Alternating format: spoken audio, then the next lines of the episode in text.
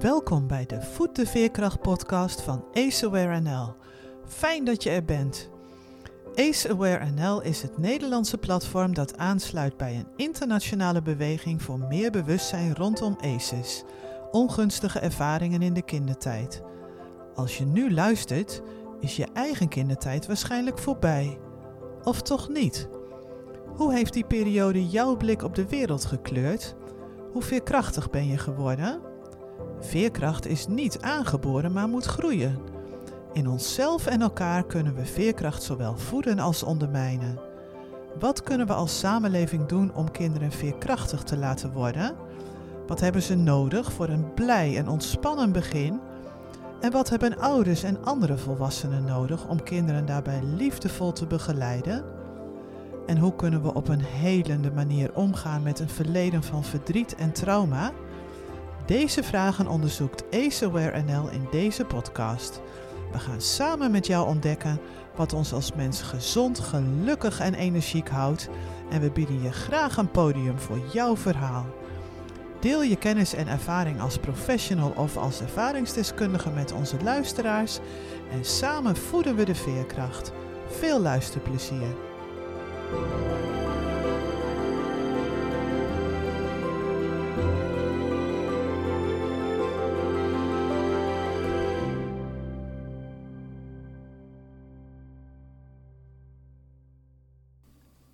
In de nazomer van 2022 is Hilde Bolt, opgeleid als psycholoog en psychotherapeut, een van de gasten bij het lunchwebinar rondom de film Resilience. Ik ken haar nog niet en ben benieuwd naar haar inbreng in het ronde tafelgesprek en ook naar haar keuze voor een fragment uit de film. Dat blijkt het deel te zijn waar de Amerikaanse kinderarts Nadine Burke Harris, voorvechter van meer aandacht voor ACEs, vertelt over hoe ouders soms graag zouden zien dat het onrustige kind in hun gezin de diagnose ADHD krijgt, zodat de problemen die het gedrag van hun kind geeft, kunnen worden opgelost met een dosis medicatie. Met zulke vormen van drogeren, zoals Hilde het noemt, worden echter vooral de symptomen bestreden, terwijl de onderliggende problematiek niet boven water komt en onbesproken blijft.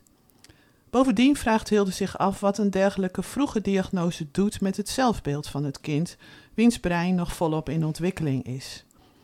Door het kind een diagnostisch label op te plakken, ontstaat er volgens Hilde een zorgelijke vervreemding tussen ouder en kind. Alsof er geen verband is tussen de problemen in de beide generaties, terwijl dat lijntje vaak juist heel erg kort is. Kinderen dragen vaak veel pijn, verdriet en ellende van de ouders met zich mee.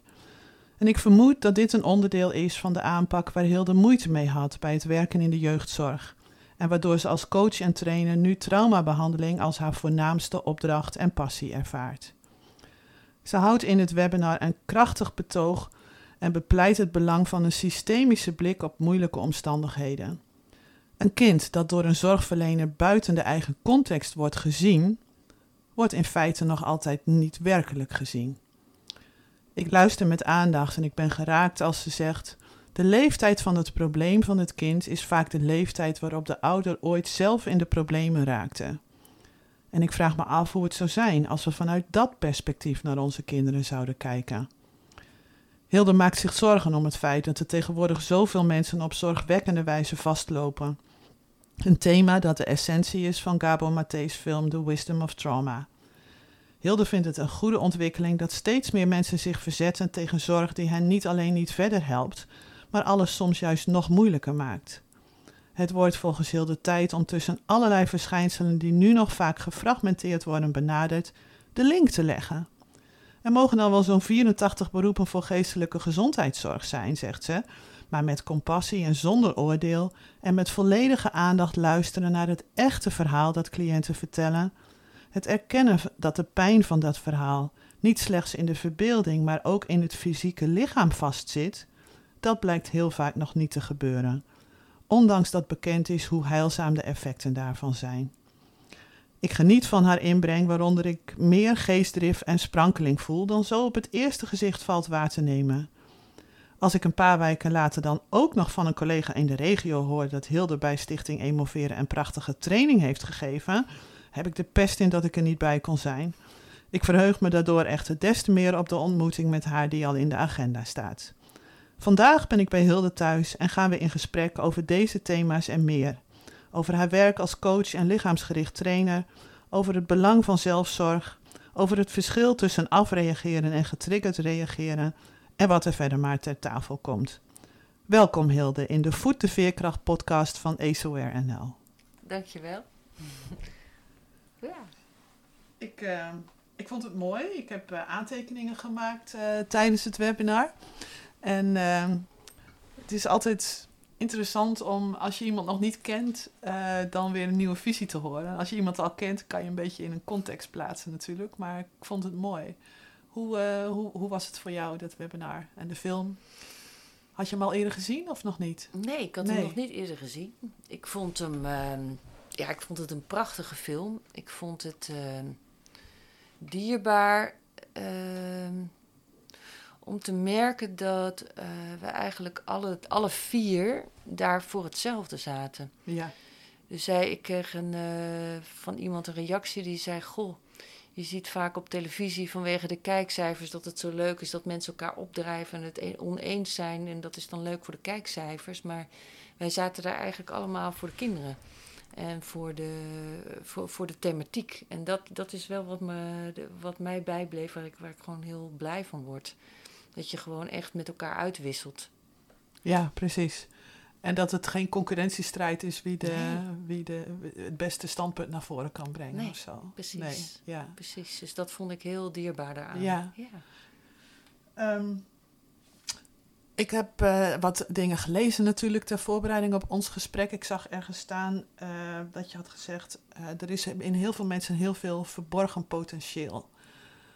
Um, als trainer kom je dat waarschijnlijk ook tegen. dat dat potentieel dan na verloop van tijd toch wat aan het licht begint te durven komen, moet ik misschien zeggen. Ja. Kun je daar eens wat over zeggen? Wat is er voor mensen nodig om hun potentieel tot ontwikkeling te brengen?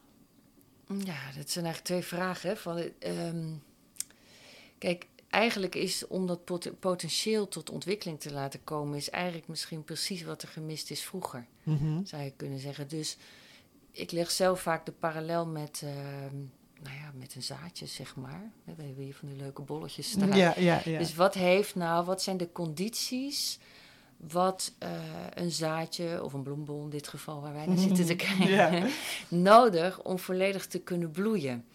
En dat, dat heeft met de juiste voeding, met hydratering te maken, maar eigenlijk alles te maken met context.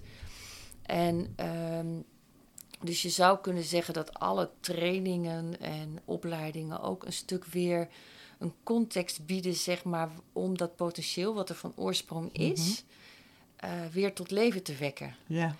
Wat ik heel mooi vond, uh, ik had laatst een trainingsgroep en, uh, en dat doe ik vaker trouwens, niet alleen in coachopleiding, maar ook in managementtrainingen, dat ik bijvoorbeeld eens aan mensen vraag van, goh, weet je nog, als je als kind, wanneer was je nou echt in je nopjes en was je nou lekker bezig? En kun je daar eens met elkaar over uitwisselen en dan zie je binnen twee tellen zie je de oogjes glimmen in, uh, nou, in 99 van de 100 gevallen.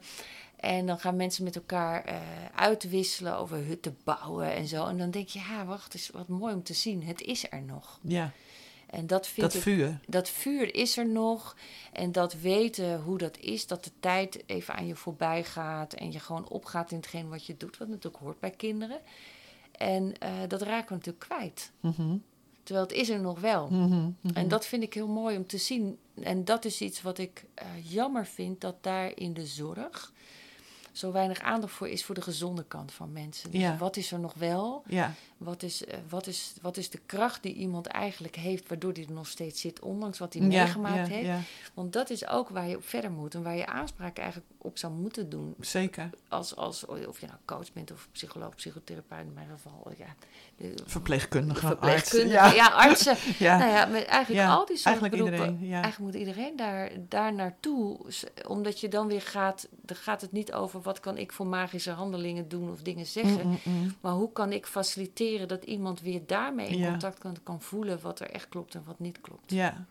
Ah, dat vind ik heel mooi wat je zegt. Want eh, ik denk dat het in de zorg ook nog vaak zo is dat eh, mensen dat ook, ook doen natuurlijk, maar dat ook zorgverleners dat doen. Het idee dat er een, een machtsverschil is en dat één iets heeft te bieden wat de ander nog niet heeft. Terwijl jij zegt van ja, je kunt dat potentieel niet eh, van buitenaf in die hyacintenbol stoppen, want het zit er al in en het moet eruit komen. En jouw taak is om het naar buiten te laten komen. Precies. Ja, Ja, het is, het is natuurlijk een raar iets. Het is hetzelfde met opvoeden. Kijk, als je kinderen krijgt, ehm, als je vanuit oude tradities kijkt bijvoorbeeld, dan eh, van heel veel oorspronkelijke tradities gaan, gaan mensen ervan uit dat een kind al iemand is. Mhm, mhm, Terwijl als jij denkt, een kind is niks, is een product van mijn genen, mhm. Dan eh, heb je, ga, ga je er input in stoppen. Terwijl als je ziet, het is al iemand en ik moet kijken hoe ik dit kan faciliteren, ja. dan, eh, dan heb je een heel ander perspectief.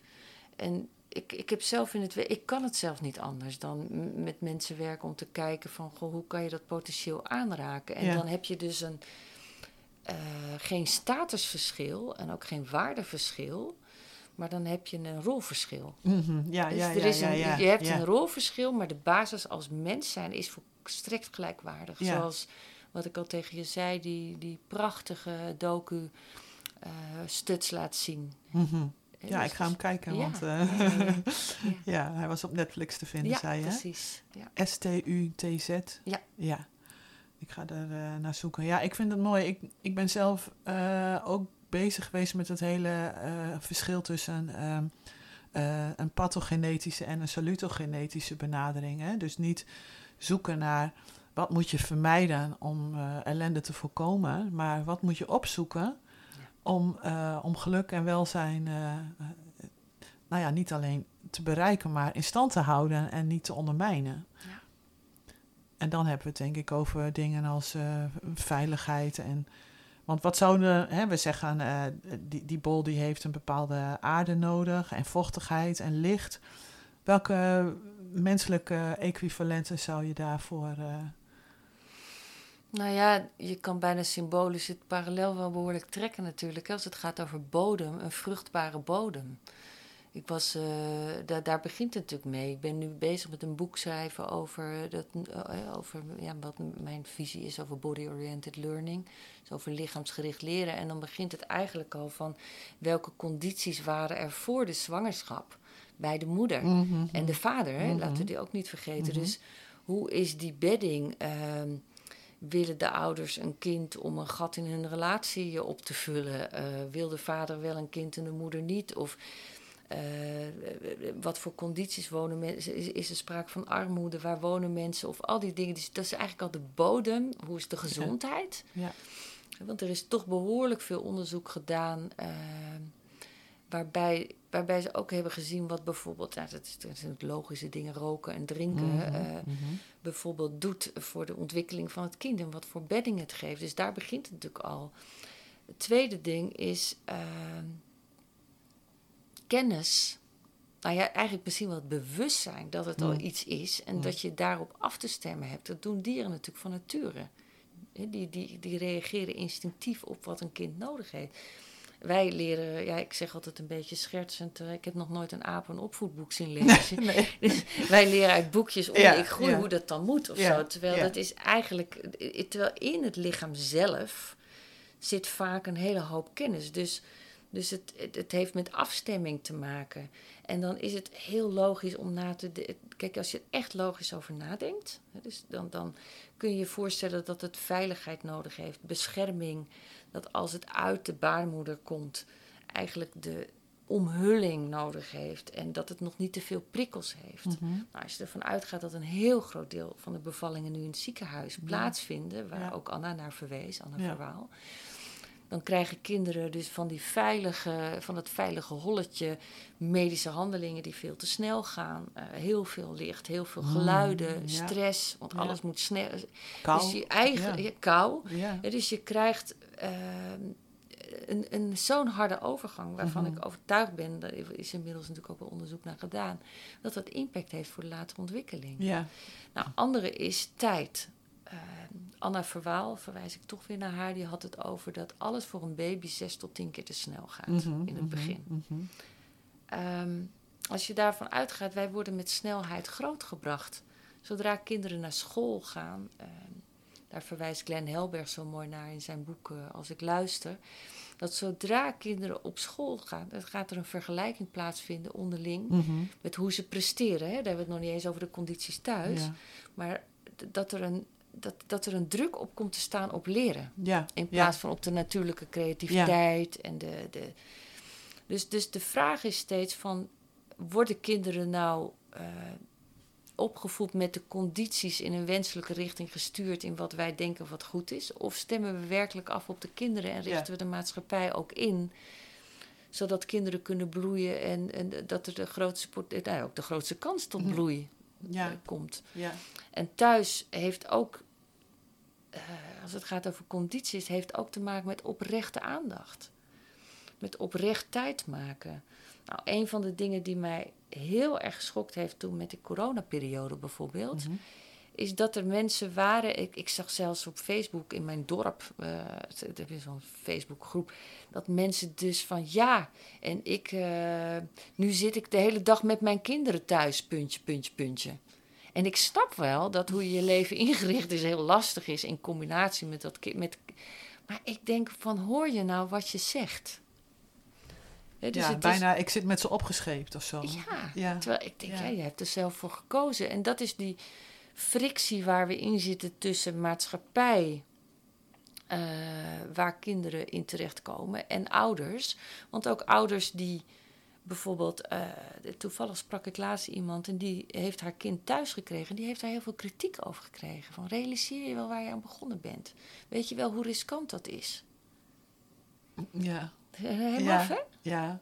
Ja. Terwijl, ja, Maar dat is in dat perinatale veld natuurlijk ook al zo. Van, eh, het moederlichaam wordt daar natuurlijk heel vaak als een risicofactor neergezet. Waar van buitenaf met allerlei technieken aan gesleuteld moet worden. om dat kind uit, het, uit de gevarenzone Precies. te houden. precies. En de hele impact daarvan is natuurlijk ook al heel heftig eh, eigenlijk. Gigantisch. Als je kijkt, ik heb zelf, eh, het is, het is een parallel met Anna. Ja, zij is twaalf jaar in de leer geweest bij de Maori. Ik heb Mm. ooit een eh, training gedaan bij eh, een aantal dagen bij hun. En zij hebben er vanuit die oorspronkelijke traditie zo'n mooie visie op. Is dat je eh, de baby, zeg maar, hè, dus die moeder, die moet dat kind dragen. Mhm. Dus die moet eigenlijk het meest ontspannen zijn. Ook om, hè, dus die, die, die moet relaxed zijn, ontspannen, zodat ze haar lichaam kan vertrouwen. De vaders taak is om de moeder Ja. daarin te omarmen, zou Ja, je kunnen zeggen. ja. En daar staat de tribe omheen, de, community. En dat is natuurlijk eigenlijk een hele mooie visie. Mhm. Hè, dus dus ja, daar zijn we natuurlijk heel erg vanaf. Daar zijn we zeker heel erg van af. Ja, ik, ik moest net, schoot mij door het hoofd terwijl je aan het zeggen was afstemmen op dat kind voor dat potentieel. Ehm, eh, het boek van eh, eh, Clarissa Pinkola Estes, ik weet niet of je het kent, De Ontembare Vrouw, waarin ze ook schrijft over de moeder wolf of leeuw, die haar jongen, haar cubs, aan de ene kant beschermt, als ze dat nodig hebben, en aan de andere kant ook eh, wat ze noemt, ja, wat wel genoemd wordt, een soort fierce compassion noemt Gabo Maté het, of fierce kindness, of fierce challenge. Een, een liefdevol uitdagen eh, tot, eh, ja, maar je moet het straks wel zelf doen. Ik ben er nu nog om je te begeleiden daarin, Ja. maar straks eh, moet je het zelf doen. Dus ik denk dat er ook verwarring kan ontstaan tussen bescherming en zachtheid, alsof dat een beetje een wishy-washy eh, aangelegenheid wordt of zo. Terwijl de, de challenge er ook wel in moet blijven zitten natuurlijk. Hè? En dat is Ja. eh, natuurlijk best een hele eh, ja, spannend, spannend proces van waar ga je tot de grens waar je een kind uitdaagt en waar ga je eroverheen. Nou ja, ik denk daar, heb je, daar kom je weer op afstemming en de realisatie dat ieder kind verschillend Mhm, is. zeker. Als ik naar mijn eigen kinderen kijk, zijn allemaal verschillend. Absoluut, ja. Dus dat betekent, en je ziet dat bijvoorbeeld al bij jonge hondjes. Hè, dus als je een hondje wil, dan kijken ze ook al naar dominantie. Hè, met, Mm. met zo'n, ik ben even kwijt hoe dat heet, zo'n testje van, van welk hondje dominant Ja, is of niet. Dus dat zit er heel vroeg in. ja. En, en ieder kind, kijk, bij de een eh, heb je bij wijze van spreken, is het nodig om ook op een gegeven moment te zeggen van god, nu heb je weer de stap te maken, wat heb je nodig om dat te doen? En de ander die juist te eager is, heb je weer een beetje te remmen af en toe. ja. En dat is wat instinct natuurlijk doet. Dat zie je, er is een mooie documentaire ook op Netflix nu over babydieren. Waarbij eh, bij één leeuw, dus één, één vrouwtje heeft en twee mannetjes. En dan zie je ook het verschil van, de, van karakter. Dat gaat er niet per se over man of vrouw, maar in dit geval Mm, karakter. Maar Dat je, dat je afstemt wat het nodig heeft. Ja. En je hebt natuurlijk... God, ik zit te kijken in welke natuurserie was dat nou. Dat vond ik ook zo mooi. Ja, dus, of mooi. Mm, Mooi mm. tussen aanhalingstekens. Indrukwekkend, ja. Indrukwekkend, dank je. Ja. is dat er een ganzensoort is die eieren leggen helemaal bovenop een rots. Dat is een Oh. paar honderd meter. ja. En er is een moment dat die, die moedergans, die gansjes uit het de, de nest duwt. Oh. Om te kijken of ze, ja, er vallen dus Ja. een aantal te pletter. Ja. Hè, maar een aantal die krijgen dus door die adrenaline, dus een soort van kracht die het wel redden door Ja. die val. Ja. En eh, nou ja, die parallel moet je natuurlijk niet met kinderen trekken. Maar het is wel. Krijg je jeugdzorg een- op je dag. Ja, nee, precies. Nou ja, helaas gebeurt er natuurlijk Ja, wel ja, veel. ja, hè, als het, als het, maar het is, als, je het, ehm, als je het een beetje symbolisch neemt, is dat soms natuurlijk. Er is, in, in mijn nieuwe boek ben ik ook aan het schrijven over wat is veilig onthechten. Mhm, mhm, Want je mhm. veilig, er is natuurlijk Ja. zoveel geschreven over Zeker. hechten. Ja, Maar ja, veilig mooi. onthechten wil niet zeggen pamperen dat iemand op zijn Nee. veertigste nog met luiers nee, omloopt. Nee. Dus veilig onthechten is wat heeft iemand nodig en wat is dan ook een geslaagde opvoeding. Dat is eigenlijk dat je kinderen het op een gezonde manier redden zonder jou. Zeker. Dus die onthechting is ook heel erg essentieel. Ja, de rekhouding op dat elastiekje ook vind ik wel zo'n mooi beeld van hè, hoe, hoeveel ruimte eh, kun je daarin in geven. Ik heb het wel eens eh, eh, liefdevolle verwaarlozing eh, genoemd. Zo ik het ook vaak. ja, ja. ja. en het- ja, als je weet wat verwaarlozing is, dan zeggen sommigen misschien dat is eigenlijk niet zo'n goede term. Want dat is natuurlijk niet wat je doet. Je doet het wel bewust om te kijken van wat kun je aan en wat kun je hebben. Of, eh, Ik vind het een prachtige term. Ik denk alleen dat we soms dingen te serieus nemen. Ja, ja, ja. Er zit een knipoog in. ja, tuurlijk, uiteraard. Toch? Ja, zeker. Zo bedoelde ik het natuurlijk precies. ook. Ja, absoluut. Het is een mooie term. Ja. Eh, ik, eh, ik, ik heb gezien dat je al heel wat eh, geschreven hebt. Ik heb, elke keer zeg ik tegen mezelf, nu geen boeken meer kopen, eerst lezen wat er nog ligt. maar er fietst altijd weer iets doorheen. En dan denk ik, oh, maar toch maar even die nog tussendoor. Dus misschien ook weer een van die van jou. Ehm, ik zag ook dat je ehm, dat de omschrijving van je boek dat je over de coronatijd heeft geschre- hebt geschreven, dat je daarin iets zei van dat die periode een, een soort wake-up call voor ons. Ja, ik aarzel nu of ik moet zeggen was of is. Want sommige mensen zeggen het is allemaal wel klaar. Ik ben daar zelf niet helemaal zeker van dat we door alles wat daarmee te maken heeft al heen zijn. Dus laat ik zeggen eh, is. Ehm, wat was voor jou eh, de wake-up call, zeg maar, om je in dit veld eh, te begeven? Of om een verandering te maken van je rol eerder naar je rol als zelfstandige bedoelt uit nu? de zorg. Ja, bijvoorbeeld. Maar ook hoe je op dit thema... Ja, da- die vraag inderdaad. Maar ook de vraag, hoe ben je überhaupt bij dit thema gekomen? Eh, Poeh. En je bedoelt dan het thema trauma ook? ja, Zes- nou, ja. ja. Nou ja. ehm, kijk, ik kom uit een familie met een eh, flink oorlogstrauma. Dus eh, met verzetstrijders, Mhm. iemand in kampen overleden en neergeschoten. En, dus ik heb de sporen daarvan ehm, als kind heel erg gezien. Dus dat is één kant. En andere familie zit ook, zitten ook best wel eh, hele heftige dingen. Dus ik heb eigenlijk als kind was ik al een soort van observator. Hm. Dat ik soms dingen zag bij mijn ouders dat ik dacht, hmm, of bij de familie, of dat ik dingen apart vond of wonderlijk of zo. En ik ben toen ik stage liep, eh, ik, ik ben eerst, is op zich ook wel grappig, dat weet bijna niemand, maar ik heb eerst een half jaar rechten gestudeerd. Hm. Dat had mijn moeder willen doen. En zoals eigenlijk heel veel mensen van mijn generatie gaan ze dan op een gegeven moment doen wat een van je ouders had willen doen. Nou, dat werd helemaal niks. Hm. Alleen argumentatie leren had ik er voldoende voor, wat ik nog wel snap. maar de rest, ik snapte er helemaal geen bal van. Want ik kon ook niks met die wetten. Want ik dacht, waarom is dat dan zo? En Oh ja, ja. nou ja. Je ging Dus- ze niet uit je hoofd leren, maar bevragen. ja, of ik had net, ik dacht, dacht, nou ja, de textueel staat dit wat beter of zo. Oh Nee, ja. ja, ja, ja. Waar je dan weer net helemaal niks over te zeggen had. Nee, daarom. Dus Ja. dat werd helemaal niks. Dus Nee. je moet ook weten wat je niet kan. Ja, heel Maar goed. ik ben eh, toen begonnen met psychologie.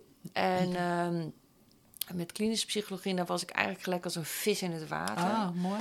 Dus ik, eh, dat, dat, ging, eh, dat ging als een speer. Maar toen had ik, eh, liep ik stage. En ik heb echt de mazzel gehad dat ik een hele goede stageplek had... met een ongelooflijk goede begeleider... waar ik denk tien maanden heb gezeten. En waarbij ik ook veel zelf mocht doen. Want ik, ben, ik was ook wel een bij de hand studentje. Dus ik zei ook van, ik ben niet zo'n meekijker. Ik ben iemand die heel snel leert. Dus ik ga op mijn bek, sta weer op en als het een keer Mm. niet goed doet, dan, dan, dan leer ik daar snel En van. dan weet je hoe het wel moet. Ja, precies. Ja. Dus dan, ehm, en, dat, en dat heeft me heel veel gebracht. En toen kwam ik eigenlijk eh, al veel in aanraking met eh, trauma. Ik kwam toen Monica Friedel tegen. Die, die werkte daar als eh, traumadeskundige. Die werkte ook toen in het groepje met Onder van der Hart en Suzette Boon en Nel Draaien en zo.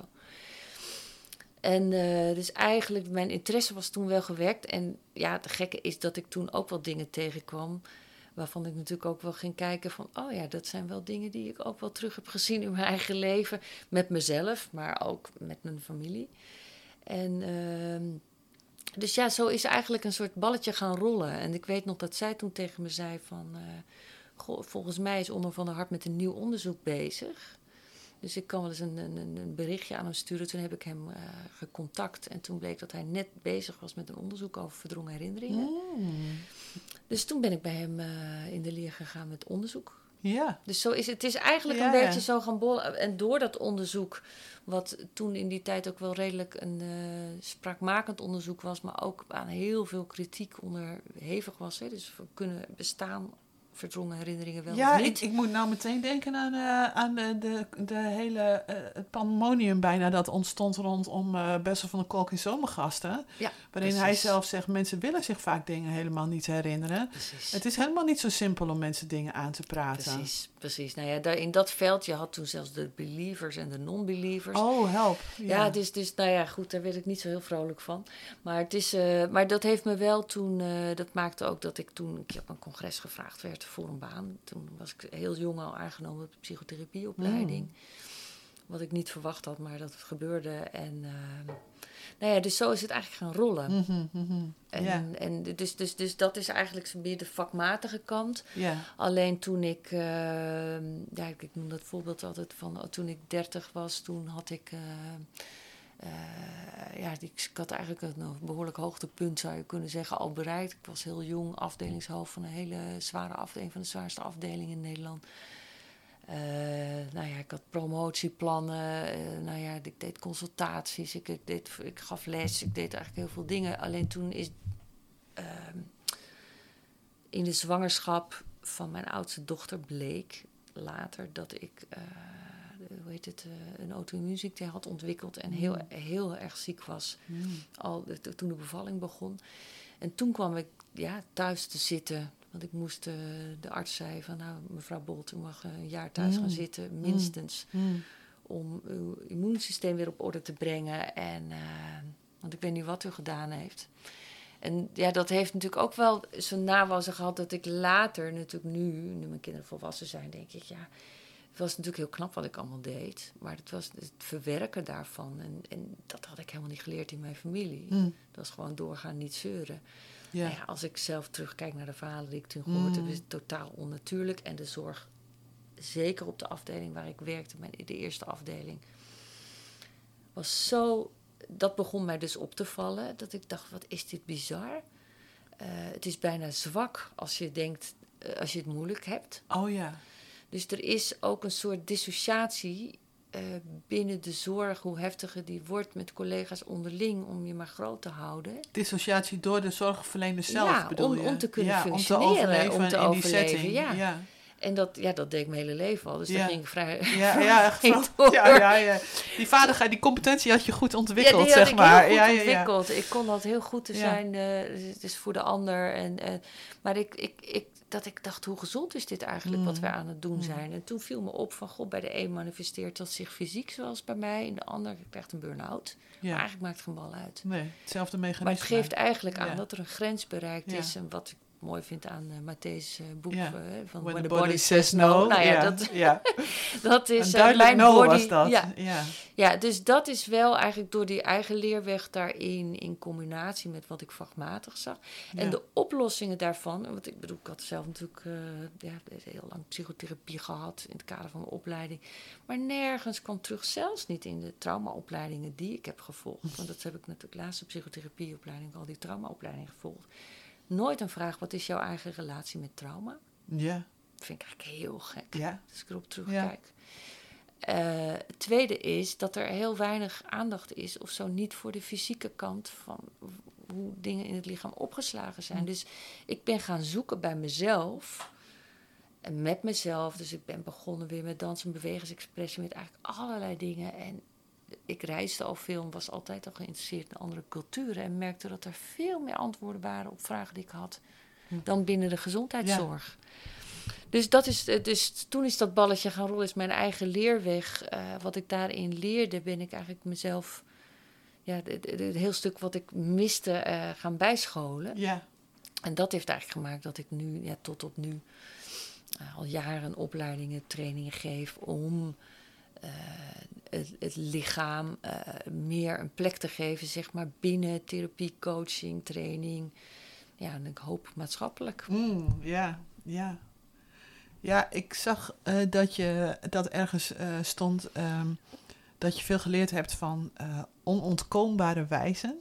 Ja. Um, hoe zei je het ook alweer? die een verbinding hebben met waarheid. En nou, je zei nog iets moois. Ik zou even moeten zoeken, maar um, ik, ik vond het mooi. Ik vond ook mooi dat, dat ik las met waarheid. Ik weet nog dat wij met een van de geboorten van onze kinderen het geboortekaartje sturen. En daar stond ook op zoeken naar waarheid. En toen kreeg ik een berichtje terug van een uh, zeer religieus georiënteerde aangetrouwde neef. En die zei: Fijn dat jullie je kind ook met de waarheid willen grootbrengen. en toen dacht ik: Oh, hier is iets van wat ik gezegd heb niet helemaal overgekomen zoals ik het had bedoeld. Ja. dus jij zei waarheid in de zin van echtheid of puurheid dan, neem ik aan. Ehm, hoe uh, weten we wie dat zijn in onze omgeving? Poeh, een interessante vraag. Kijk, je noemt eigenlijk zelf al een belangrijk verschil hè, van waarheid of de waarheid. Mm -hmm ik geloof niet in de waarheid. Ik geloof wel in waarheid. Hm. Maar er zit een stuk in wat niet helemaal definieerbaar is, omdat het ook aan tijd en momentum gebonden is. En er zit ook iets universeels in. En wat ik zelf merk, daarom heb ik in mijn eerste boek, heb ik daar, hè, volgens mij verwijs je naar iets in mijn eerste boek. Eh, kijk, als ik bijvoorbeeld kijk naar mensen als Desmond Tutu, ja. hè, of de Dalai Lama. Ja, of de... ja Desmond Tutu, ik ben nu zijn boek uh, van vergeving aan ja, het lezen. Precies. nou ja, Tutu vind ik gewoon iets, hè, dus dat wil zeggen dat wat ik zie is dat. Uh, ik probeer het te definiëren. Dus als er iets van waarheid is, dan zit er voor mij iets in wat niet meer onderhevig is aan polariteit. Mm. Mm. Dus dat, er de dual, dat het non-duaal is, zeg maar. Mm dus dat, dat, en dat voelen mensen. En dat is als iemand die gave heeft, dan hoeft hij dus ook niet uh, vanuit een strijdpunt daarin. Mm. He, dus Glenn Helberg heeft dat ook, vind ik. Weet je, die kan ook dingen zeggen, maar dat is eigenlijk vanuit een hart gesproken, zou je kunnen zeggen. En dan zit er geen ego-drive in, er zit er geen ik in. Maar dan, zit, dan raakt het eigenlijk iets hmm, diepers. en, uh, en dan voelen mensen gewoon dat van, oh ja, van, dit is. Dus je eigen buikgevoel is misschien wel de beste toetssteen. Dat je voelt van, oh ja, dit is, dit, hier kan ik eigenlijk niet. Je kan ook geen, in, in, in dat veld kan je geen, geen, geen uh, ja, hoe zou je dat kunnen zeggen? Geen argumenten bedenken om te zeggen dat het niet zo is. Maar je kunt het er niet meer mee oneens zijn of zo. Ja, dat is het. Ja, ja. ja. Kijk, je kan het ook wel niet leuk vinden natuurlijk. Ja, ja, ja, En dan vervolgens wel natuurlijk in een polaire reactie benaderen. Maar wat ik, wat ik, ja, dus hoe kun je die mensen herkennen? Wat ik, kijk, als ik een aantal trekken noem van mensen die ik uh, de, de, heb ontmoet, grootheden, zichtbaar en onzichtbaar, hè, want er zijn mm, natuurlijk ook mm. heel veel onder de radar, is dat daar geen ego-drive in zit, dus geen ik, maar ook geen, uh, geen, geen, hoe noem je dat? Geen. Uh, ja, dat je anderen wil overtuigen. Mm, zendingsdrang. Zo. Zendingsdrang, dank u wel. Maar ook dat mensen uh, open blijven en het niet durven weten. Dus ook kunnen zeggen, dat weet ik niet. Ja, ja. Uh, ik had ooit een prachtige uh, event waar ik was, een masker van Tulku Lopsang. Die mij zeer inspireert. Dat is een Tibetaans-boeddhistische ja, leermeester. ja, en die, uh, ik weet nog dat iemand uh, uit de zaal stelde een vraag. Ja, en hoe zit dit dan? Een hele interessante. En toen zei hij, honestly, I don't know. Nee. Ja. Dus het niet weten. Ja. Dus je zou kunnen zeggen dat misschien wel ook een ding wat met waarheid te maken heeft, is dat je weet dat het altijd tijdelijk is. Mm. En dat waarheid ook iets is als. eh, kijk, een waarheid als een koers natuurlijk dat we Mm, doodgaan mm, ooit. mm, hè, daar zijn we het allemaal over. Dus, dus, dus dat is een hele. echt een waarheid die er gewoon is. Maar het, de, het niet weten zien als een poort naar iets wat groter is, dat zie ik bij heel veel van die mensen. Dus die Ja. kunnen ook zijn met dat niet weten. En eh, ja, er zit een stuk zelfrelativering ook in. Ja, nou, ik moet eraan denken, omdat ehm, ik heb afgelopen periode ook weer de Collective Trauma Summit gevolgd met Thomas Hubel. Ah, die ja. ook heel duidelijk daarover spreekt van Ja. ehm, it's, it's really valuable to be able to be in the not knowing. En dat die onzekerheid te kunnen eh, verdragen. Ehm, tegelijkertijd, hè, we hadden het daar in het vo- ons voorgesprekje even over, van eh, als je je licht wilt opsteken bij eh, iemand die misschien al verder in een proces is of al inzichten heeft verworven die je zelf nog niet hebt. Ehm, je kunt ook eh, lelijk op de koffie komen, zou ik maar zeggen. En eh, als je intuïtie niet in staat is om, om waarheid van, nou misschien dan onechtheid of zo, te onderscheiden. Ik, ik was zelf laatst in een webinar waarvan ik dacht dat ik er wat van zou kunnen opsteken, maar ik merkte dat ik gewoon een beetje dissocieerde, omdat ik niet Hmm. kon verdragen hoe er met die cliënt gewerkt werd, waarvan ik dacht, die wordt bijna geretraumatiseerd. Hmm. En ik schrok daar zo van. En ik dacht, het is prachtig dat er steeds meer aandacht komt voor al dit soort aspecten. Maar ik vind het soms ook wel heel erg spannend om te zien waar mensen hun licht op steken. Nou ja, ik denk dat met alles. ehm, dat, dat, dat puzzelt mij soms ook. Het is, laatst zei iemand: trauma is bijna hip. Terwijl als je het hebt over trauma, gaat het natuurlijk Ja. ook vaak over verschrikkelijke pijn en heel veel akeligheid. Ja, Dus om daar een soort hype van te maken, is Ja. eigenlijk ook niet helemaal gepast. nee. Kijk, ik denk dat dat hoort, als je het ziet in de grote bewegingen, zou je kunnen zeggen, die, die, die in de evolutie plaatsvinden, dan is het een onderdeel dat het even heel erg booming is en dat alles daaruit komt. Maar er zit natuurlijk altijd de kans in dat, dat, dat het de connectie verliest met de bron Mm. waar het echt over gaat. Ja, En dat mensen hun eigen ik daarin gooien of dat we weer ten prooi vallen aan de aloude verleiding om het allemaal om te zetten in geld. Mhm, mhm. Of in gezien te worden of zo. Ja, ja. Eh, dus dus dat, dat is gewoon iets wat in de mensheid zit. Hè, En daarom is het juist, het zou, ja, ben ik altijd zo. Ik, had- ik had een heel mooi gesprek laatst met, met, eh, met iemand. En die was een man die was heel gelovig. En, ehm, en die vroeg aan mij van wat. eh, en- maar gelovig, eh, tussen aanhalingstekens, eh, op een hele prettige manier. Hmm. Dus, dus niet dogmatisch.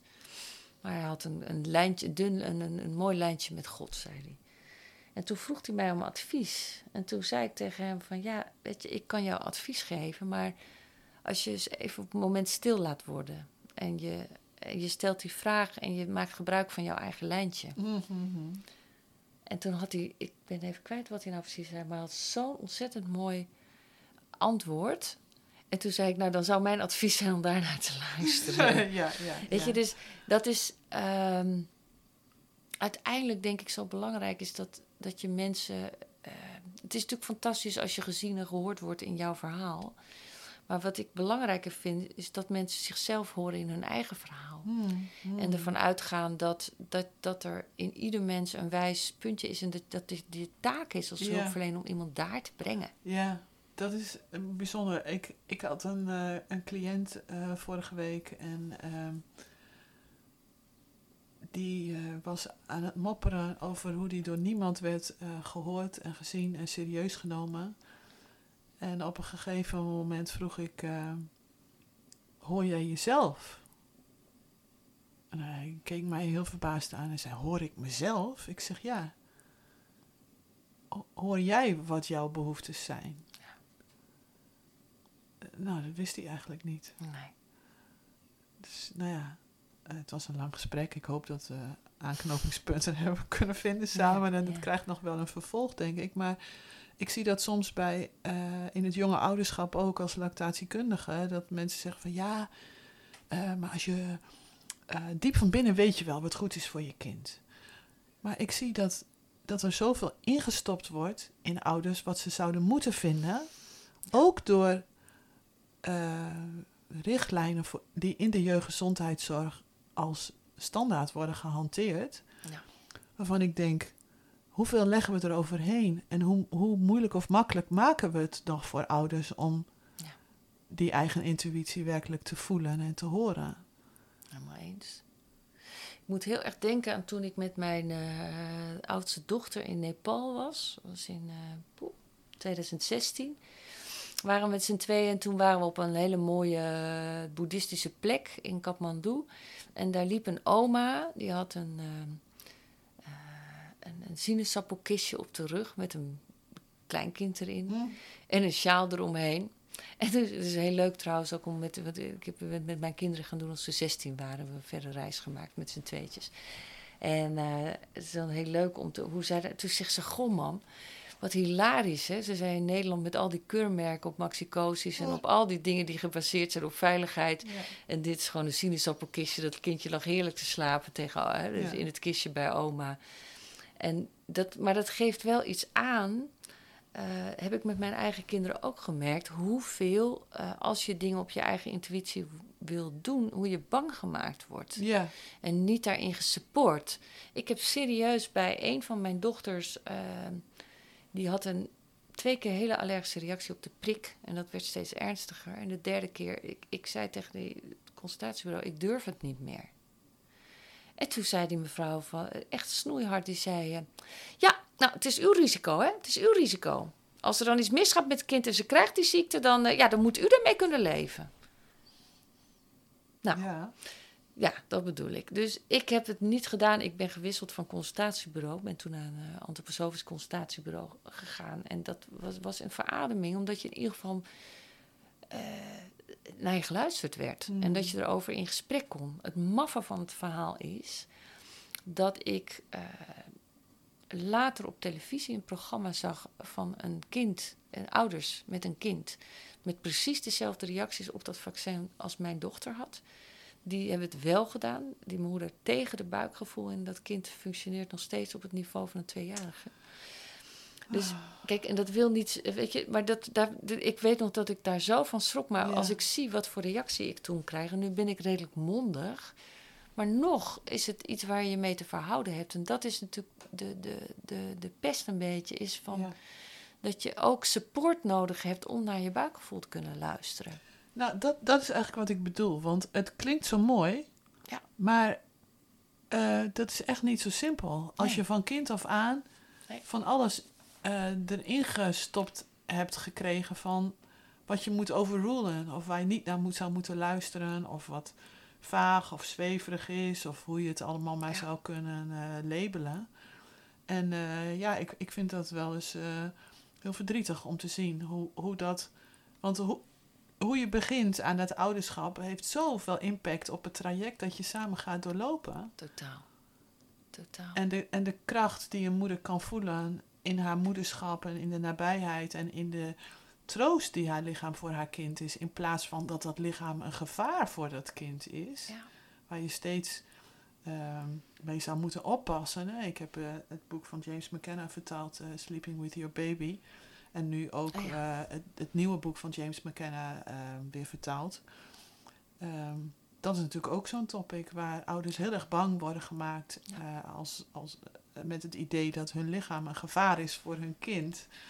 Dus als jij zegt lichaamsgericht trainen, er zijn heel wat barrières die nog geslecht moeten worden, uh, denk ik. Nou, ik vind het heel mooi dat je dit zegt. Kijk, mijn eerste boek heb ik heel bewust, uh, Get Your Guts, heb ik heel bewust geschreven. Omdat ik ja, met een knipoog, hè, van een beetje allergisch werd van al die boeken van als je dit, dit en dit doet, dan word je gelukkig. Weet je, mm. dan word je echt gelukkig. je moet gewoon meer naar jezelf luisteren en zo. Mm. Terwijl in de praktijk ik tegenkwam, hoe meer ik naar mezelf luisterde, raakte ik vrienden kwijt. Uh, uh, uh, werd het contact met mijn ouders bij momenten minder leuker, met familie. Ehm, dus echt veranderen heeft nogal wat consequenties. Mm. Dus ik dacht, ik ga een boek schrijven wat realistisch is. Ja. Weet je, dus dat het niet een Ik- idealisme Er komt toch is. weer een boek bij de stapel op. Ah. ik. nou ja, ik geloof, ik, ik zeg- heb het zelf vaak over idealisme en realiteit. Weet je, idealisme is het, ook dat het alleen maar mooi is om naar je lichaam te luisteren. Weet je, als ik zelf kijk, eh, ja, ik heb eh, de- ook de laatste vier jaar weer heel veel te maken gehad met fysieke dingen, eh, waaronder heel ernstig ziek geweest met pancreatitis.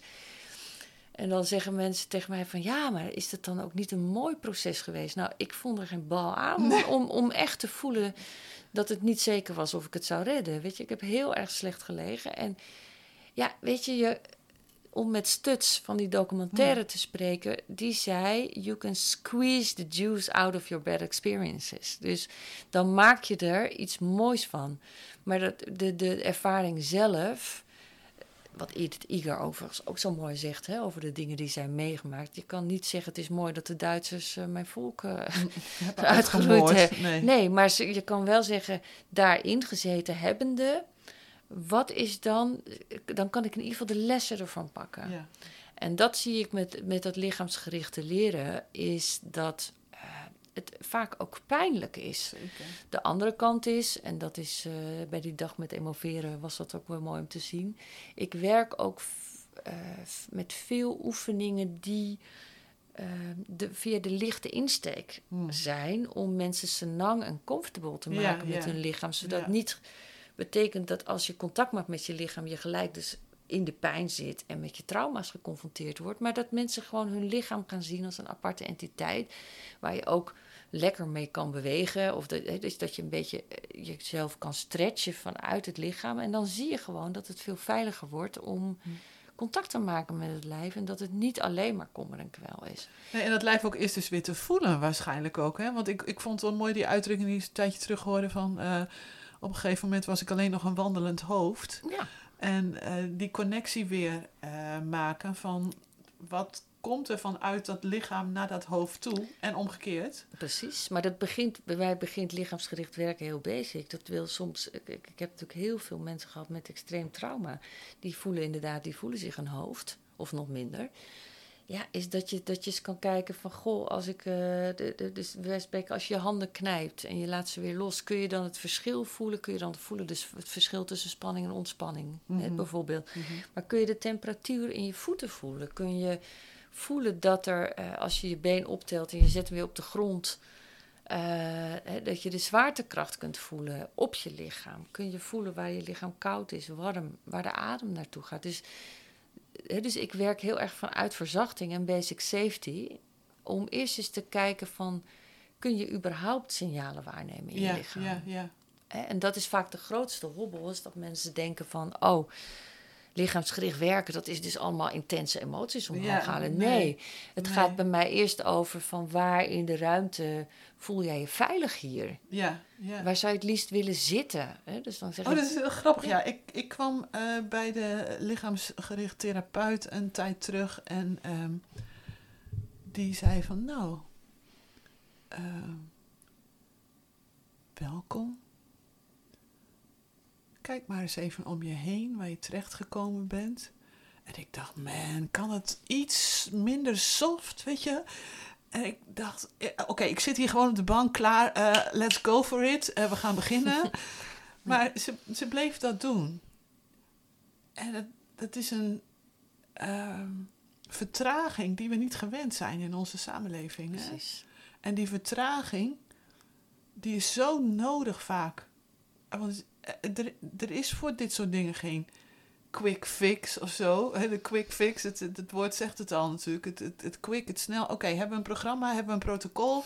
Afwerken, vinkjes zetten, Ja. klaar en weer door.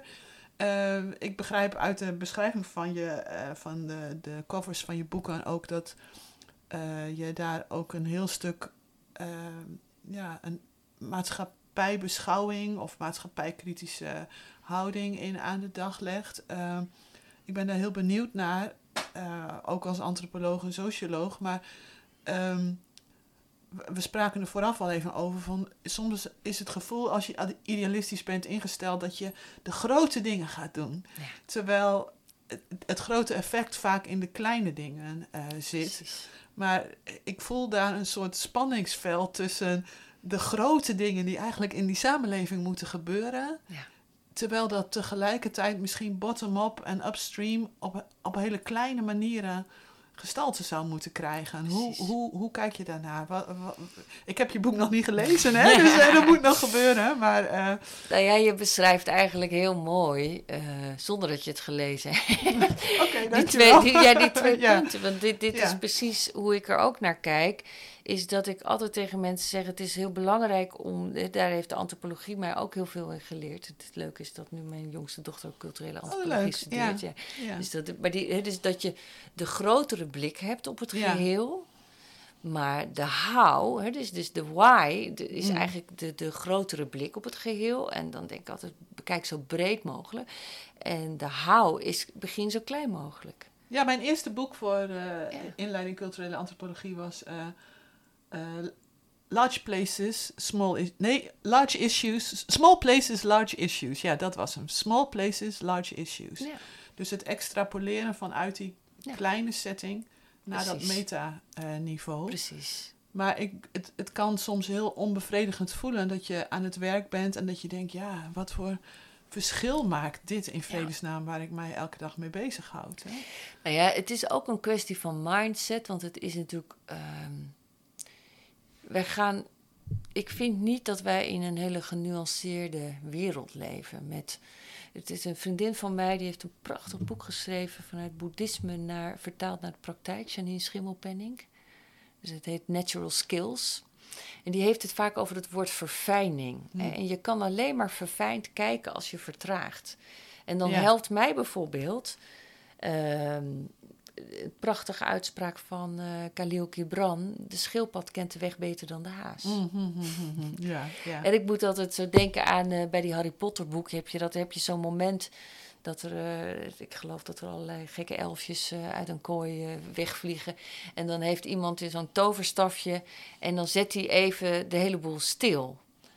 En dat, dat stilzetten, ik gebruik dat vaak als metafoor, dat je met een toverstafje even alles stilzet. Want we willen zo graag controle, maar die krijg je echt controle, of misschien beter regie, vind ik een mooie woord, krijg je alleen maar door af en toe dingen even stil te zetten, door echt te kijken naar hoe het nu is. Deed Tita Tovenaar vroeger al, hè? Die, die dochter van Precies, die... met die knip, ja, Ja, precies. Nou ja, ja, ja, in alles. Je kunt in ik zou nog eens terug moeten zien Precies, ja. hoeveel, hoeveel eh, symboliek daar misschien eigenlijk in zat. Ja, Maar- en het eerste wat er gebeurt, bij, zeker bij, bij, in onze samenleving, is als je stil gaat staan en je hebt een tijd, ben je meegedenderd in de red race, dan is het vaak in eerste instantie oncomfortabel. Heel oncomfortabel. En dat betekent dat mensen zeggen: Ja, maar wat moet ik er nu aan doen? Ik zeg: Nee, maar als je wil weten wat je eraan kan doen, dus daar train ik studenten in, maar ook mensen die bij mij in therapie of coaching zijn, om eerst te kijken, en daarmee omarm ik wel het gedachtegoed van Mathé, Hmm. om eerst met compassie te kijken naar hoe het nu is. Ja, Om dat niet te zien als verkeerd, maar dit is hoe ik het tot nu toe heb gedaan met alles wat Ja, ik ja. ben en En wat wat, ik heb hielp en geleerd nuttig en wat hielp, en ja. eh, nodig En was. dan te kijken wat de marges zijn, wat de ruimte is waar je aan de knopjes kunt gaan draaien, zodat er eh, steeds meer iets, ehm, eh, iets kan veranderen. En je ziet vaak, en dat zie ik bij burn-out ook, dat mensen dan iets hebben, ja, maar nou, ik voel me nog steeds niet fijn. Ik zei, oké, maar wat heb je dan afgelopen week? Kijk nou eens even, hè, dus als we via de verfijning en de nuance gaan kijken. Zijn er dan dingen, oh ja, het is wel waar trouwens, want mijn moeder belde en ik heb een paar keer niet opgenomen. Oké, Oh ja. dat heb je. Dus ik laat mensen vooral opschrijven wat ze wel anders Ja. hebben gedaan, omdat die mind voortdurend natuurlijk roept wat je allemaal niet gedaan hebt. Mm, Hè, die maar inner de, critic. die inner critic, ja. Dus die, die, en, en ook natuurlijk de, de ja, noem het soms wel eens, eh, gejat zou je kunnen zeggen, een oud cliënt van mij, die zei, die mind van mij is zo'n oudere werknemer die eigenlijk met pensioen moet, maar die niet los wil laten. dus ik zeg ook altijd, geef die kant een gouden horloge Ja. of een eye over de bol, maar die geeft niet zomaar op als je het De, uit het de over- stupid friend, zegt Cowboy dan. ja, ja, precies. ja, ja. precies. Dus dat, dat, het realiseren dat dat. eh, dus, dus veranderen, werkelijk veranderen, gaat heel langzaam. En als je dat niet kan zien en zit te wachten op groots, meeslepend leven, Mm. waarin de grote doorbraken Mm. komen en zo, dan denk ik ben je niet realistisch. Want Mm. zolang we leven, dat leer ik heel erg vanuit het boeddhisme, eh, is je verhouden met continue verandering. Ja. Dus we hebben continu te maken met onzekerheden in ons leven. Als we willen, ja, ik wil helemaal zeker worden, denk ik, nou heel veel succes, daar kan ik je niet mee helpen. Ik kan je wel leren hoe je kan leren meebewegen eh, en in je eigen kern te blijven. En ook te registreren wanneer je eruit bent, hoe je daar weer naartoe kan. Hmm. Mijn lactatiekundige praktijk heet pantarij. Oh, Ja. prachtig. ja, ja, ja. ja, vanuit het idee ook dat die stroom voortdurend eh, in beweging is. precies. Plus dat je natuurlijk soms pas achteraf kunt zien hoeveel er al veranderd is. Hè? Het is een beetje zoals wanneer je een bergwandeling maakt en je ploet het maar omhoog en omhoog en omhoog. En op een gegeven moment sta je stil. precies. En dan kijk je even achterom en denk je, wow, ben ik daar helemaal vandaan gekomen? Nou ja, maar dat is zo'n mooi beeld wat je Ja. geeft. Want dat is zo belangrijk. Hè, dat, eh, ik had vorige week ook iemand die was helemaal in paniek. En die, oh jee, en ik heb het idee dat het nooit meer iets wordt. Die komt al een half jaar. Maar toen zei ik van, kijk nou eens terug. Zie je nu hoe je dingen anders al oplost? En, en dat is zo belangrijk, want daar haal je kracht vandaan. Niet uit van, oh ja, maar die bergtop zit daar nog steeds. En daar ben ik nog niet. Oh, maar daar komt zeker weer een dal. Ja, de dalen komen er altijd weer. Ja, welkom in het leven, denk Ja. ik altijd. En dat is, kijk, dat vind ik zelf natuurlijk ook helemaal niet leuk. Nee, Ik nee. bedoel, ik- maar eh, je kunt wel leren om, m- ja, ik noem dat zelf altijd een beetje het, het oog in de storm te zijn. Hmm. Weet je, dat het je niet allemaal. eh, Er zijn natuurlijk dingen die je valikant ontregelen. Dus als je Mhm. te maken krijgt met geweld of dat soort dingen. Ja. Om dan te zeggen dat je dan zen moet blijven. Dit is wat een flauwekul. Ja, dat. die hoef je ook niet moedwillig op te zoeken, hè? dat soort Nee, situaties. je kunt wel je buikgevoel natuurlijk. Maar er zijn Ja. gewoon dingen, dat had ik zelf met die ziekte ook weer. Weet je, dat, er zit in dat, ja, ik noem het een beetje, jij noemde het ook al eerder in het voorgesprek, de spiritual bypass. Iets is alsof je leven maakbaar is. En als je echt goed leeft, dat je dan dingen kan voorkomen. Zo kreeg ik een reactie toen ik pancreatitis had, dat iemand zei, nou, wat heb jij dan nog te leren? Ja, dan denk ik, fuck you. ja, Ja, weet je, er zijn gewoon mensen die. eh, de- de- er zijn gewoon dingen die ons overkomen. Weet je? Ja, maar En- ik, ik vind het ook mooi, eh, zoals natuurlijk toch wel gezegd wordt van degene die ziek wordt, laat ook iets zien van wat er in het systeem speelt of zo. Dat, dat vind ik ook een heel boeiende gedachte. Ik kwam uit, aan de ene kant uit een familie waar altijd mensen ziek waren en veel te vroeg doodgingen. Mijn eigen zusje stierf toen ze 32 was. En zeggen mensen, oh, wat erg, heb je nog broers en zussen? En ik zeg, ik had een zusje, maar die is in, Mm. in 99 overleden toen ze 32 was. Oh, waar, wa- wat is er gebeurd? Waar is ze aan overleden? Tegenwoordig zeg ik altijd ACEs. Eh, aantal jaren geleden zei ik nog gebroken hart, maar het is eigenlijk hetzelfde. Eh, dus eh, ehm, ik, ik denk ook, ik had vorige week ineens zo'n beeld van als je sensitief bent voor die omgeving, dan ben je op een bepaalde manier een soort eh, dialyseapparaat of zo voor de energie die in dat Ja. systeem zit. Maar als je niet oppast en er blijft van elke dialyse wat residu achter, is mooi gezegd. dan gaat dat natuurlijk op een gegeven moment wel helemaal fout. Ja.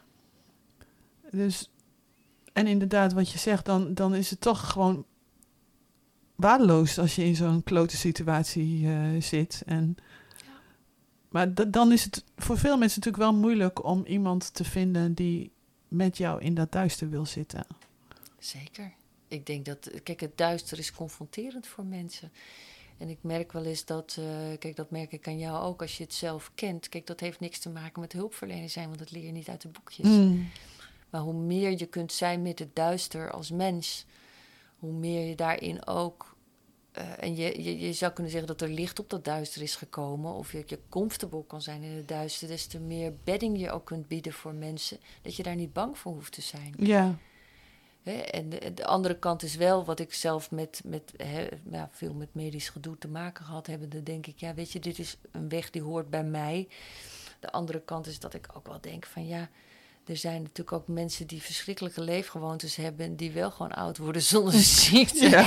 Eh, eh, Dus het is altijd. het- Ja. Er blijft een stukje. Hè, dat is ook in het hele de opa die gedachtegoed van 90 werd, ondanks dat hij al tien pakjes rook. Ja, ja, maar snap je, dus er is altijd, hè, dus ik, ik ben dol op het gedachtegoed van Mathé. Ja. Maar ook daarin denk ik, ja, er is altijd weer een punt waarop er dingen zijn die we niet kunnen verklaren. Mm. En we hebben te leven met het onverklaarbare. Want kijk, het werkt één kant op, maar de andere kant niet. Nee.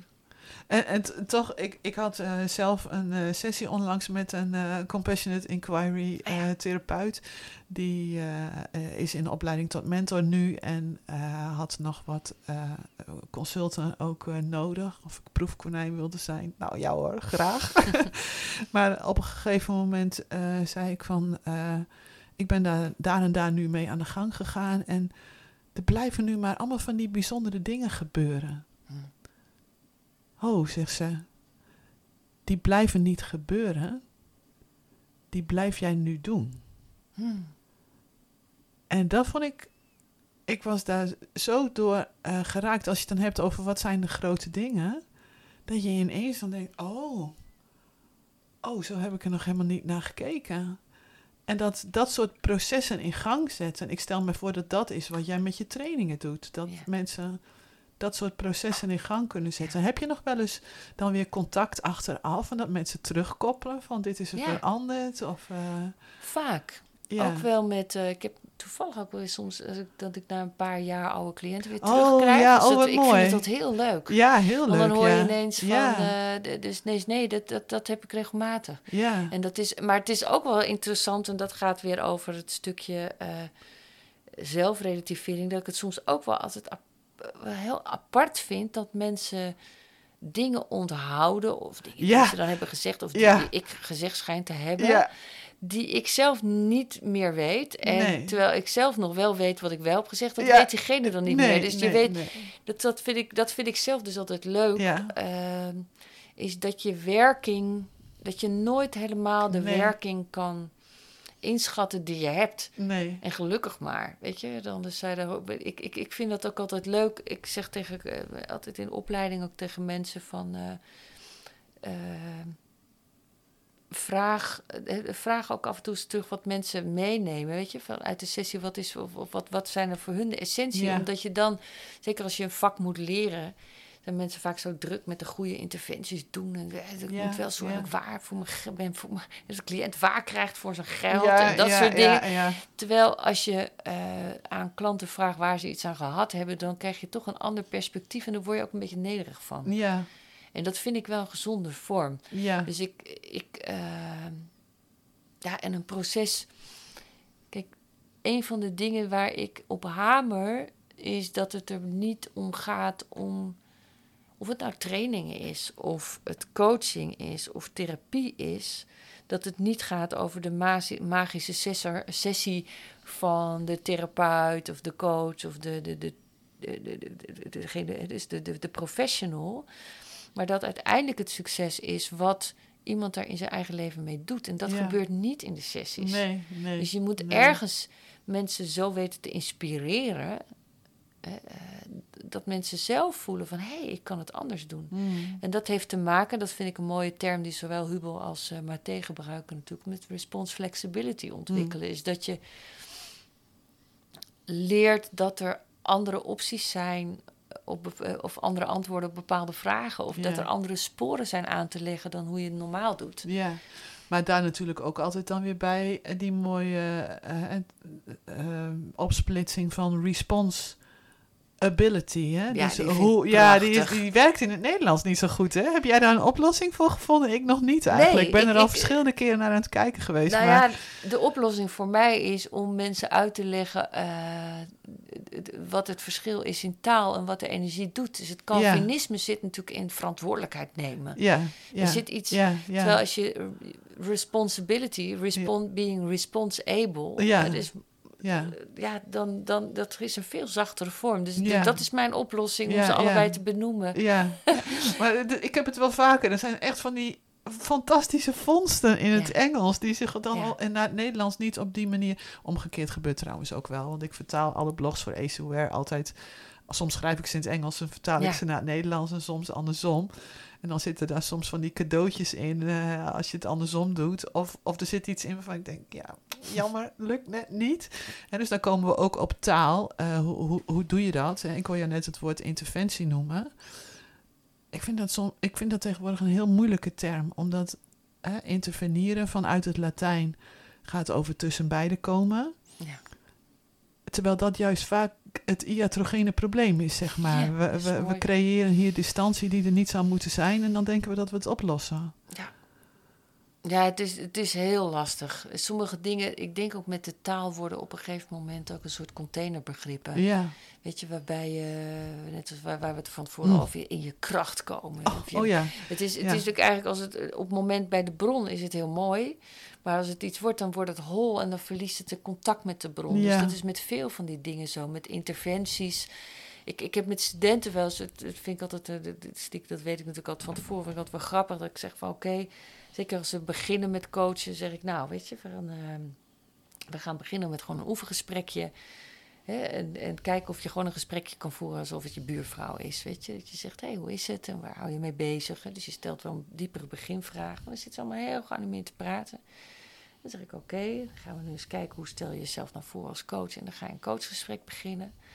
En dan, hallo, eh, goedemiddag. Fijn dat je er bent. En dan gaan ze zo. Oh, oh Ja. En dan snap je, dus, dat, Ja, ja. dus, dus dan...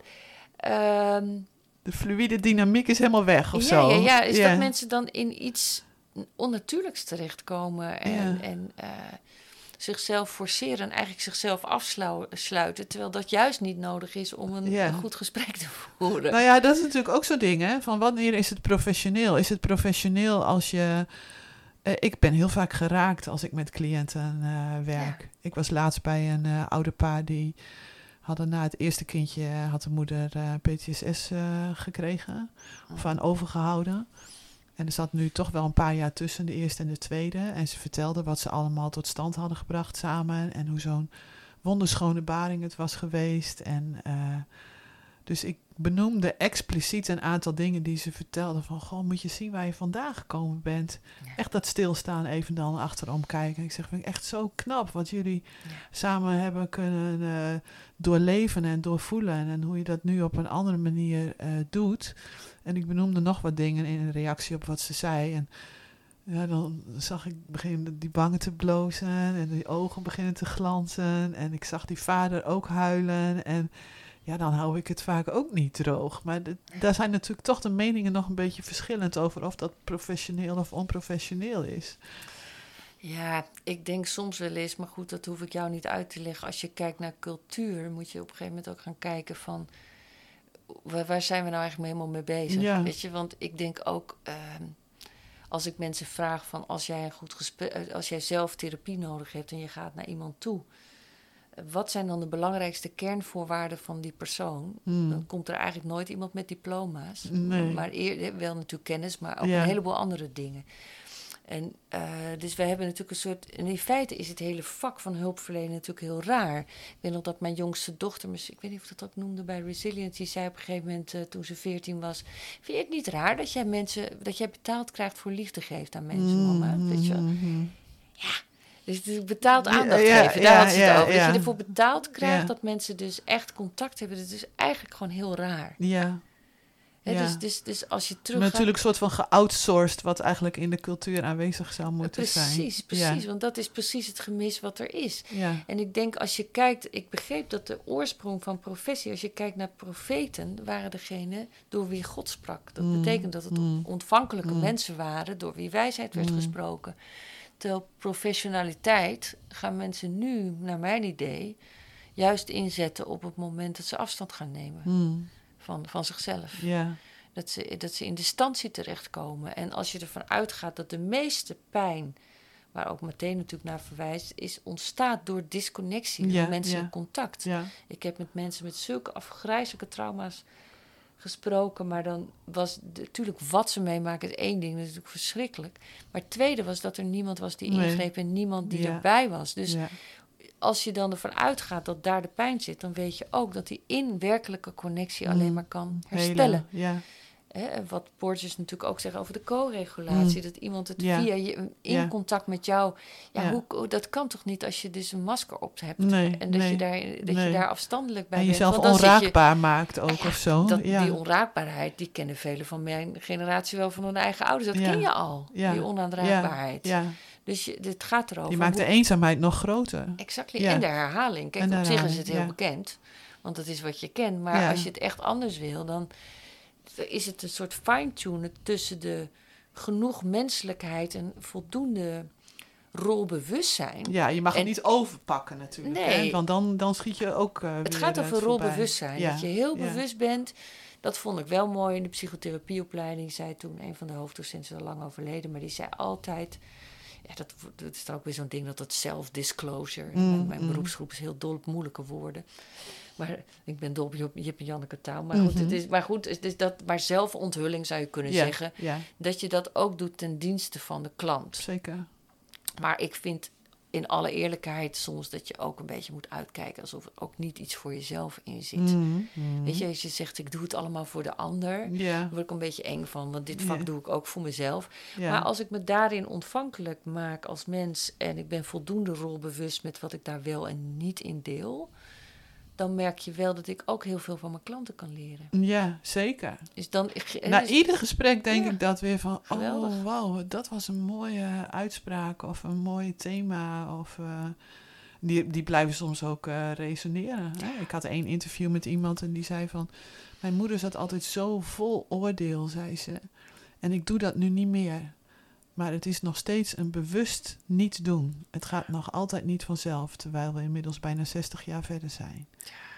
En ja, ik, ik vond het heftig in de zin hè, dat zij zich ook bewust was dat ze daar nog altijd mee worstelde. En ook weer die bevestiging van hoe groot die invloed is van alles wat er in die vroege fase eh, gebeurt.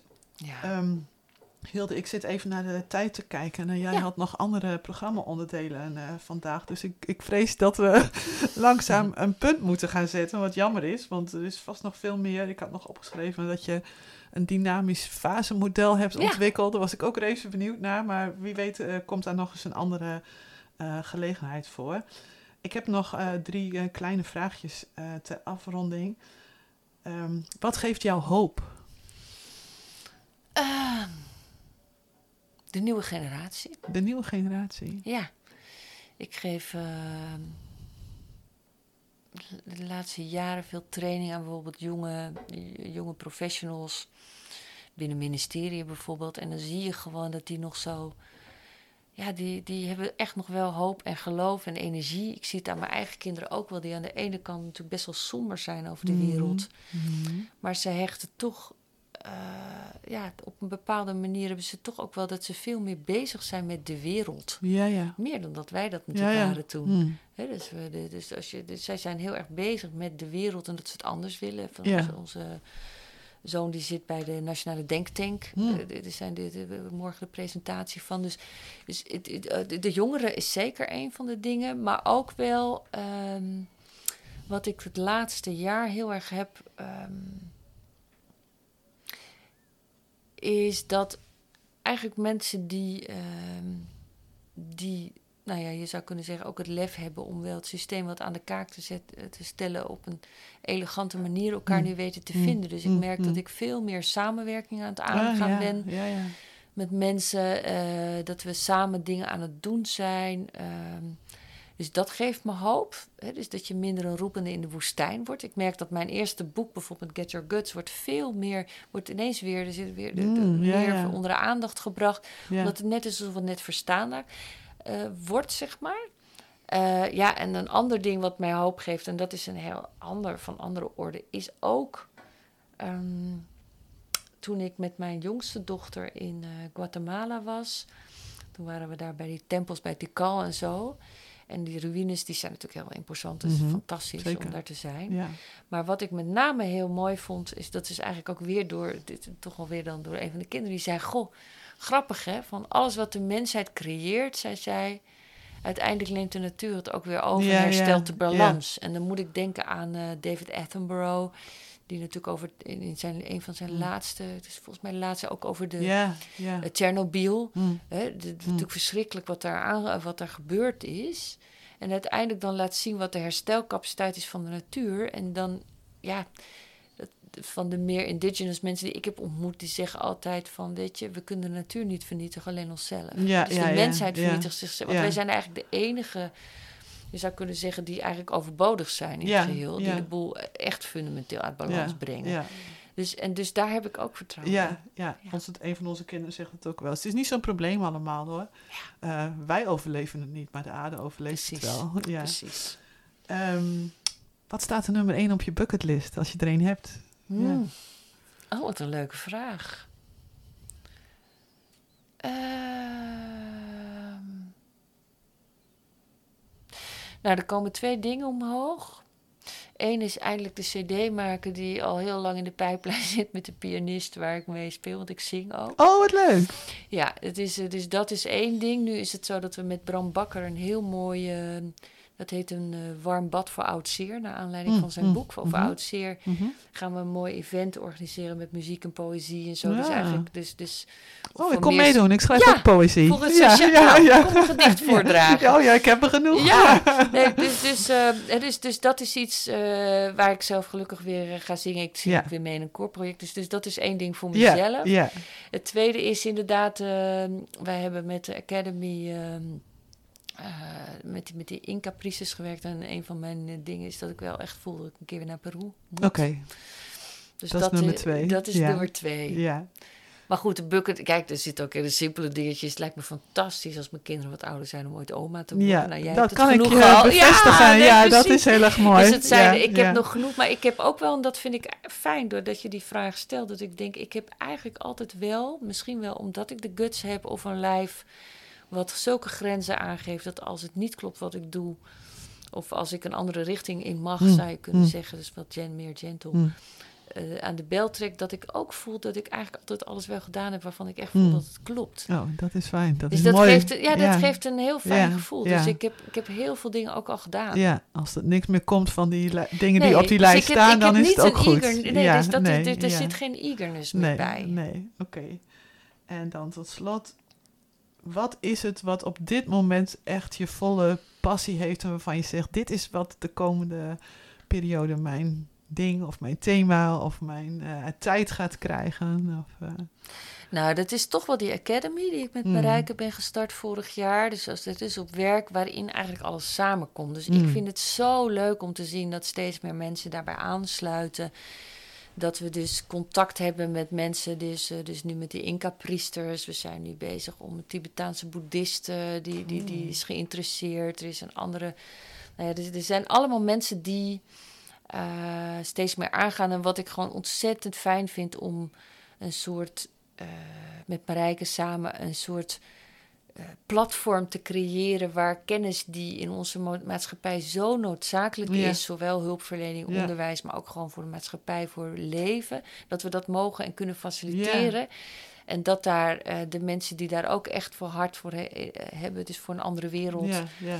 Daar ja tegen zeggen. Dus Ja. we hebben zulke inspirerende gesprekken. Vanavond met Yvonne van Sticht een prachtig eh, webinar over de trauma en ehm, de biochemie. Mm. Maar dat, eh, het is van wat gebeurt er nou eigenlijk in het lichaam? Want ik weet, ik zeg altijd, ik weet heel veel van het lichaam. Ik Mm. kan heel goed met lichamen werken. Maar hoe alles, hoe alles heet van binnen. Ja, ja, ja, ja, dat is nog weer een ander ding. dat, ja, daar kan ik zo van onder de indruk zijn. Dus ik, ik merk zelf dat lerende, dus waar, waar krijg ik nou passie van, is eigenlijk door wat we in co-creatie, we zijn dus, dus Ja. die, die academy is echt een platform voor co-creatie, waarbij we kijken van hoe kunnen we elkaars krachten binden. ja, ja. En eh, nou ja, daar word, daar word ik echt helemaal blij van. Nou, Ja. dat lijkt me nog wel iets voor jou en mij om nog even een keer wat dieper Ja, op in te gaan. Want eh, wie weet eh, wil ik daar ook wel Ja, nog wat meer over weten of bij aansluiten als daar mogelijkheden te zijn. superleuk. Ja. Dank je wel voor je tijd. Het was fijn je verhaal te horen. En toch nog weer anders natuurlijk. Je kunt, je kunt allerlei wegen altijd inslaan eh, met elkaar. Maar ik vind het, eh, ik vind het prachtig om te zien hoe op, op allerlei plekken en manieren eh, mensen inderdaad toch wel meer met dit onderwerp bezig zijn. En ik deel je idee dat, dat je ook zoiets weer kunt hypen en dat het dan zijn kracht weer verliest. En zoals mijn eigen shamaan zei bij de sessie die ik bij hem had praat er niet te veel over, maar hou die kracht van binnen en leef die in plaats van eh, erover te vertellen. Blijf bij de bron. Ja, blijf mij. bij die bron. Dus dat, Ja. dat vond ik ook heel mooi wat hij daarover over zei. En, eh, maar tegelijkertijd is het ook belangrijk om eh, er wel over te praten, zodat het ook door anderen gehoord en opgepakt kan worden. Dus Precies. eh, heel mooi dat ik dat vandaag met jou mag doen en dat jij dat in je eigen werk doet. Ehm Dank je wel nogmaals voor je tijd Ja, en jij eh, hopelijk tot mooi. horens of tot ziens. Dank je wel. Ja, dank je wel.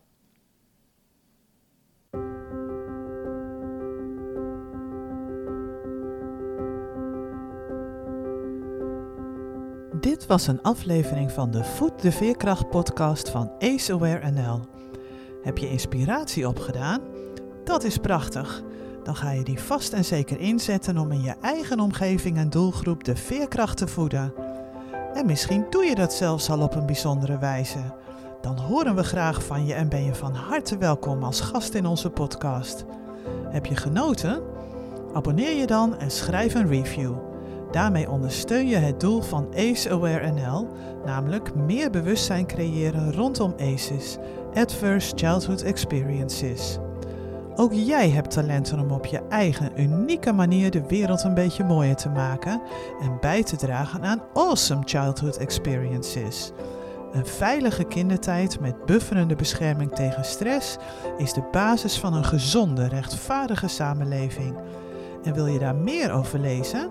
Duik dan eens in onze blogserie op www.aceaware.nl.